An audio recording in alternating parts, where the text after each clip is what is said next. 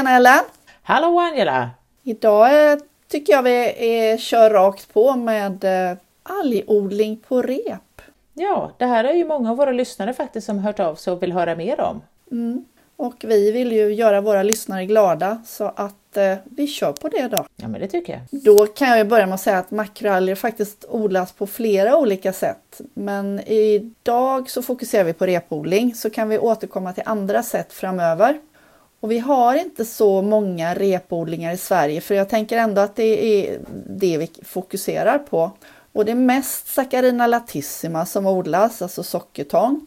Men vad är det vi vet om just den arten Ellen? Ja, först så heter den ju faktiskt inte sockertång på svenska egentligen utan skräppetare. Men den kallas ofta för sockertång i handeln och det är ju sådär som att man gärna ska ha ett lite trevligare namn, precis som att tarmalgen brukar heta rörhinna. Men skräppetare är alltså det korrekta svenska namnet. Bra. Saccharina är ju en kallvattensart. Den trivs i kallt vatten. Den är en av de tre kelparter vi har i Sverige. De andra två är Laminaria digitata och Laminaria hyperborea, fingertare och stortare. Och innan så hette Saccharina Laminaria Saccharina och så bytte den namn för, vad kan det varit nu, 20 år sedan ungefär till Saccharina latissima istället. Men det finns några repodlare på västkusten som odlar Saccharina. Bland annat har vi Nordic Sea Farm som har sin odling ute på Koster. Ten Island Sea Farm ligger vid Öckerö. Och så Kaira Nordic som ligger i Valda. Och sen planeras det också en större odling utanför Halland i anslutning till en planerad vindkraftspark som ska bli spännande. Men du, hur går det till egentligen?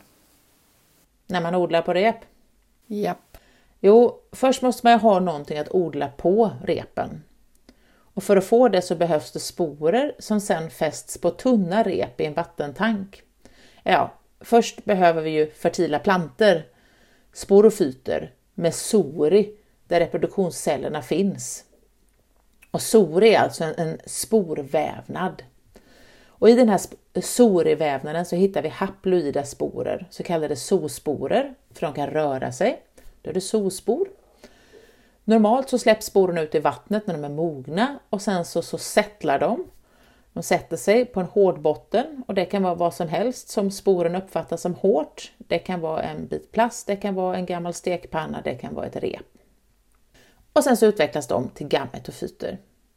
Och gametofyterna är mikroskopiskt små de är antingen spermiebärare eller äggbärare, så vi kan lite så generellt kalla dem för hanar eller honor. Men de är ytterpytte, här måste vara ett mikroskop för att se dem och de ser ut som, det är liksom bara som en liten kvist med några celler. Och sen så då det här spermien eller ägghållaren så att säga. Och de här reproduktionscellerna, spermierna eller äggen då, eller spermierna släpps ut i vattnet. Det sker en befruktning när spermierna simmar till närmsta ägg och då bildas en diploid zygot och den sitter fast på sin gametofyt och så växer den därifrån. Och så växer det upp till en ung sporofyt som då är diploid och så får vi det här stora bladet som då är sporofyten. Men det här är hur det går till ute i havet, alltså ute i verkliga livet. Men om man vill få till det här i en kontrollerad miljö för sin odling? Ja, och det är ju det man vill göra, just att ha det kontrollerat så att du får bara den arten du vill odla och inte massa annat skojsigt på det eller att någonting annat kommer och tränger ut det. Och I en kontrollerad miljö så har man ett tunt rep, oftast lindat på en spole för att få plats med så mycket rep som möjligt och hela repet ska ha en yta som blir sådd. Och då sänker man ner det här i vatten fullt med zoosporer där gametofytfasen pågår, alltså att sorerna börjar smälta ihop och bilda de här små mikroskopiska gametofyterna. Och då kommer de att fästa på repen. Så här låter man hela livscykeln liksom gå runt. Men jag har också sett att man kan samla de här solsporerna i flaskor och sen så låter man dem i flaskorna utvecklas. Men då utan att de blir hanar eller honor. Och det här tycker jag är häftigt för att om de bara får rött ljus så fortsätter de bara att dela sig. De utvecklas aldrig till spermie eller äggbärare helt enkelt. Och då får man en massa, en hel massa med småplantor som man sen kan joxa med. Till exempel så ger man dem blått ljus Och ger man dem blått ljus, då inducerar man det här att det blir hanar och honor och som sen då i sin tur utvecklar ägg och spermier. Och så blir det små sporofyter. Är det rätt? Ja, det är rätt. Det är ganska roligt. Här har vi ju som, som algnörd så tänker man genast på att det här är ju Klaus Lunings arbete här från Helgoland där vi har varit. Det, det är jätteroligt att se just det här hur olika våglängder på ljus stimulerar olika beteende och det här ser vi ju även hos växter. Men just Klaus Luning, han, han tittade just på kelp och såg att, att rött ljus simulerar fruktsättning hos växter vet vi och hos kelp så stimulerar det sorebildning och blått ljus stimulerar tillväxt. Och genom att då variera med det här så kan man då styra en livscykel. Och det, naturligt så är det ju just variation i solljus, dygnslängd, solens vinkel mot vattenytan. Det är häftiga grejer. Det är skitfräckt men man kan också säga att det, det låter ju lite krångligt. Ja, men det är ju därför vi tycker om det. Exakt. Sen är det så att både de här sporerna och småplantorna kan ju vara lite kräsna för de vill gärna ha det runt 10 grader. Och då, jag menar, det beror ju på var man är och, och vad man behöver, om man behöver någonting som kyler. Och, sen fick det framförallt inte vara över 18 grader för det tyckte de var pest, eller hur? Ja, det är ju en kallvattensart. Och vi har ju sett en viss, blir det för varmt så, så ser vi hur de drar sig längre norrut.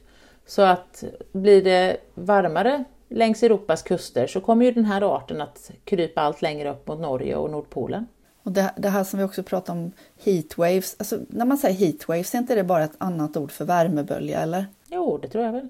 Fast på engelska. Ja, men eh, de vill ju heller inte ha såna här intensiva varma perioder. De klarar väldigt kort korta varma perioder men inte om de upprepas för ofta. Visst är det så? Mm. Ja, men de är känsliga för upprepad stress. Det kan man ju säga, det har jag sett i år. Det har ju varit en ganska lång varm sommar.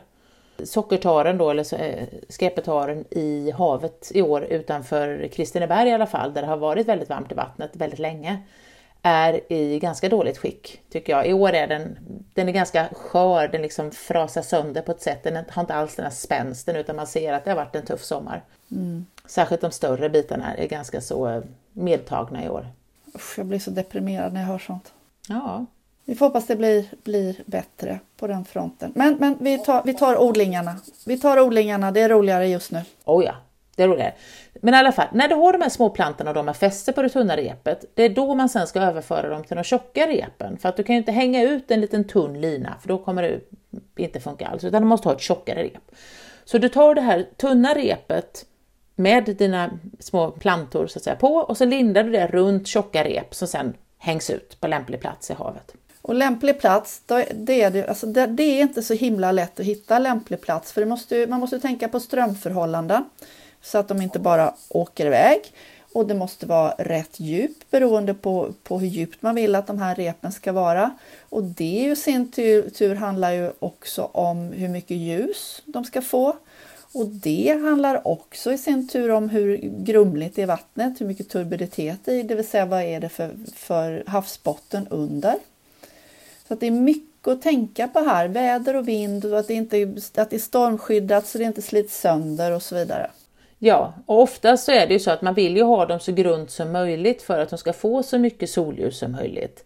Men då kan ju andra arter också komma där så att det är en liten avvägning med, med inte för grunt utan kanske någon meter ner. Och som du säger, är det då mycket grummel på grund av att det kanske är någon, någon blottlagd lerbotten i närheten som, som grumlar upp i vattnet eller att det kommer utsläpp från land så att det kommer såna här sötvattenspulser ibland.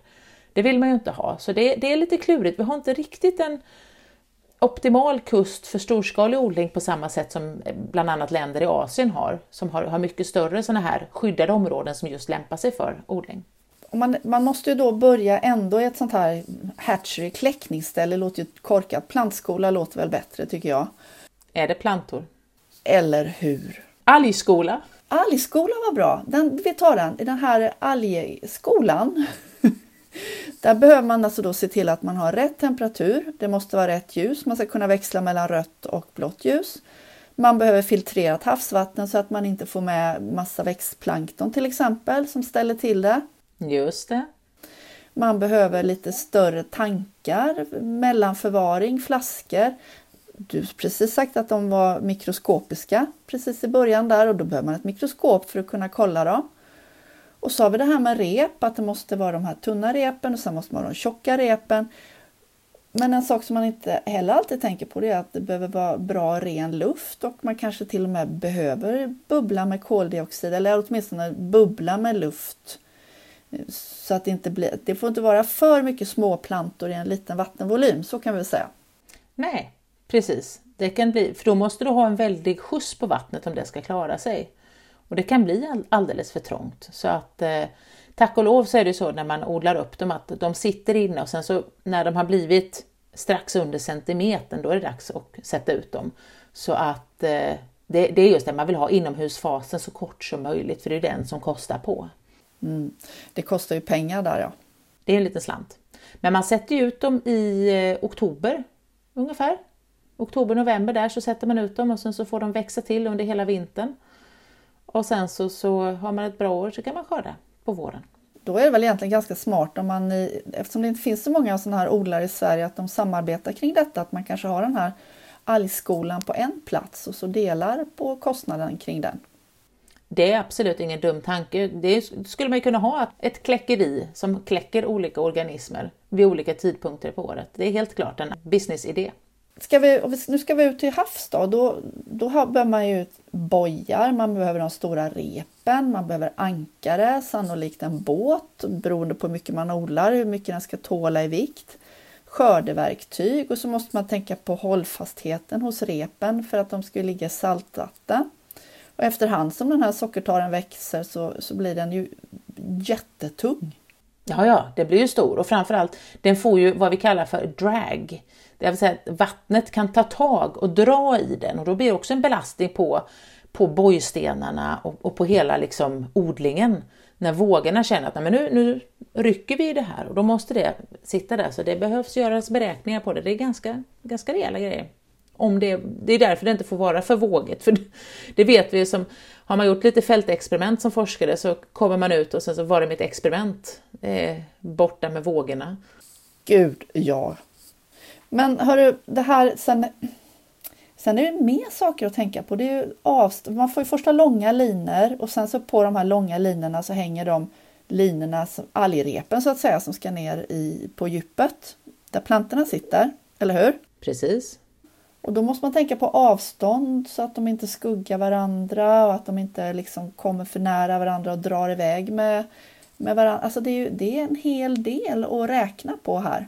Ja, här finns det jättekul. Jag såg ett reportage från Kina. En, eh, där odlar de mycket alger. Då odlar de en släkting till den här, Saccharina japonica. Och då är det en algodlare som har samarbetat med universitetet. Och då säger han att till början så alltså var han skeptisk. De har såna här Eh, fyrkantiga bambuformar då som de odlar på och så hade de en viss täthet och de tänkte att ju mer jag odlar, ju tätare jag odlar desto mer skörd får jag. Men då blev det för dålig vattengenomströmning och för dåligt ljus till algerna. Det var som att man knör ihop alla sina krukväxter i en liten, liten yta. Så tången började ruttna och sånt och så kom den här killen från universitetet och sa nej, nej, ni ska odla färre rep så får ni en större skörd. Och då tyckte odlarna att den här killen är knasig, vadå, less is more liksom. Men så var det en som lyssnade på den här killen och då såg han att ja, när han odlade glesare, hade längre avstånd mellan repen, så blev det bättre vattenmiljö runt och han fick totalt sett, så han, jag tror han odlade 60 rep och de andra odlade 100 rep. Och killen som odlade 60 rep fick en större skörd i ton, skördad tång på slutändan för att hans tång var mycket bättre och dessutom mycket högre kvalitet så han fick bättre betalt per kilo också. Proof of concept. Proof of concept, absolut. Men sen, eh, oktober sa du, och sen vill man skörda på våren någon gång?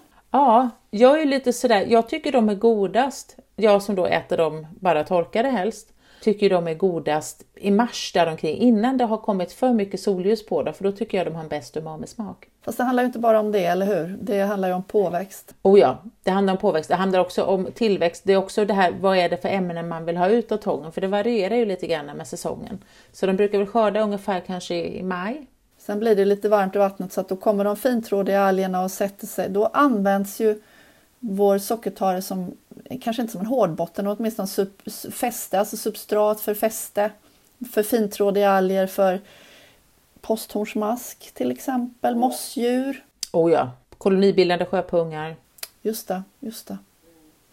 Men du, en sak som, som jag ofta får frågor kring och det är om man kan göra sin egen tångodling. Och det kan man ju naturligtvis, allting går. Men då handlar det om att, egentligen om att härma de stora odlingarna men i en mycket mindre skala. Nu tycker jag att det är jättefräckt att vi, det precis har invigts en marin kolonilott i Frihamnen i Göteborg. Ja, det är jätteroligt. Där ska man också odla tång och allt möjligt musslor, sjöpungar, vad som än sätter sig. Sen, sen får man ju lite så här ont i magen, Frihamnen. Jag vet inte hur bra vattnet är där, men det återstår väl att se. Det är ju jättebra att visa att man kan göra en marin kolonilott. Sen behöver den inte ligga i hamnar framöver. Nej, det, vi kan ju tänka på vattenkvalitet. Det jag vet, jag har faktiskt gjort eh, undersökningar där och dykt i Göteborg i älven det finns en, en skiktning så att du har färskvatten de första sex meterna och sen blir det ett, ett skikt och sen blir det kristallklart och då är det saltvatten där under och där finns det väldigt mycket av det här nya japanska jätteostronet. Oh. oh yes. Men bra. Men okej okay då, man ska göra sin egen odling. Eh, då härmar vi den här större odlingen.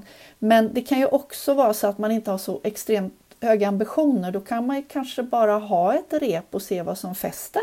Alltså det går ju att göra på alla sätt och vis. Det, det, frågan är ju hur mycket tid har du, hur mycket engagemang vill du lägga ner på det? Det är klart att du går att hänga ut ett rep och se vad får jag på det här? Det jag tycker man ska göra till en början är att ta en simtur med mask och snorkel i sitt område och se vad växer här naturligt. För då är det ju en ganska bra indikation på att det här området är bra för just den tångsorten exempelvis. Och sen så tänka kring det här med, om vi tänker oss en ö, så har vi något som vi kallar för exponerad sida och läsida. Vi är på norra halvklotet så, så vi har sydvästen som, som förhärskande vindriktning. Vilket gör att har vi en ö som ligger ute så, så vet vi att den sidan på ön som riktas åt sydväst kommer ha mest vågexponering. Och det kan vi se på algerna, där sitter oftast små tufsiga rödalger bara och sånt. Och sen blir det lite mer lä och sen så på baksidan då av den sidan man vill då åt nordost till. Där kan det vara nästan så att sediment samlas, det blir lite mjuk botten och vi ser lite mer sköra alger där som kanske lite långa såna här kolasnören, kordafilum och sånt. Och då kan man också titta på och försöka liksom tänka kring det här med vågor och sånt. Var passar den arten jag vill odla in med avseende på vågor och sånt? Så jag tycker snorkla och tänka är väldigt en bra start. Men det är bra. Sen är, sen är det så att alla kan inte sköta bonsaiträd eller har inte ambitionen att sköta bonsaiträd. Så det beror ju på hur mycket engagemang och tid och hur mycket passion man har för sina odlingar också. Men hur som helst så det är ju, vi lägger ut en rapport, det finns en jättebra EU-rapport, alltså en alge. De har jättebra sammanställningar som de också kallar best practice och då har de best practice för, för sådana här repodlingar. Då. Och det kan man absolut gå in och kika på. Det här är en öppen rapport så vi lägger, vi lägger länken på Instagram men även på tångbloggen tänker jag. Ja, det gör vi. Och sen eh, så, så, kan man ju då tänka, alltså tänka skala ner, men så är det jätteviktigt det här med tillstånd för att för kommersiella odlingar, om det är större eller mindre format så krävs det tillstånd av myndigheter. Eh, jag vet inte om tillstånd egentligen krävs från flera myndigheter men det än så länge vill flera myndigheter ha sitt ord med i lagen.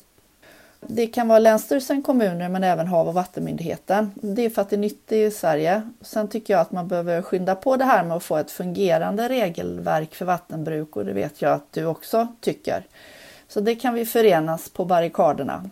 Vad ska vi säga som slutord här? Vad tycker vi? Jag kan, jag kan tycka att det är, det är, lite häftigt att få göra sin egen algodling. Nu pratar vi om, om eh, sockertare, men man kan ju odla andra arter också. Havssallad är ju på gång. Ja, och jag menar, det pratar vi då tarmalg eller rörhinna så är det nog den absolut lättaste för där tror jag att om du bara lägger ut ett par träbitar som flyter i ytan så kommer den sätta sig på. Den är också väldigt lätt att så på för då, då tassar du iväg till ett hällkar där den växer. Och sen när det är riktigt varmt så den släpper alla sina sporer så lägger du dina träbitar där och då sår du in dem och sen hänger du ut dem i vattnet eller ett rep eller någonting. Alltså, och den vill ju ligga precis i ytan. Jag tänker nog att just, just den skulle man till och med kunna odla i en nätkasse. Ja, nästan. Alltså det, den behöver väldigt mycket ljus men den är ju väldigt lättodlad och när man väl har den på några stenar och sånt nere vid stranden så är det bara liksom att gå och skörda och plocka och så växer den ut och så plockar man och så växer det ut. Den är otroligt tacksam. Alltså man får tänka på det här så att man då inte har den vid bajsutsläppet. Precis. Den brukar ju dock växa lite bättre om den, den växer i närheten av en sten där fåglarna bajsar, men det ska ju i alla fall, fågelbajs är en sak, människobajs är ju mindre trevligt. Man ska i alla fall skölja den ordentligt innan man gör någonting med den. Japp. Du, jag tänker nog att vi har tjötat tillräckligt. Ja, men du Angela, det här var ju fantastiskt. Nu har vi ju fått en bra sammanfattning på repodling av sockertorr tycker jag. Ja, och eh, jag tycker att vi ska gå igenom lite fler odlingssätt och odlingstyper. Men i nästa avsnitt så kommer det inte att vara odling. Då tänker vi restaurering. Ja, men vi håller oss kvar i tarevärlden, stora brunalger. Och sen återkommer vi till en, hur man kan göra sin egen mikroalgsodling. Ja, det är väl ingen som tror att vi kommer undan det. Nej. Men vi syns om två veckor. Det gör vi. Ha det bra! Tjing tjing!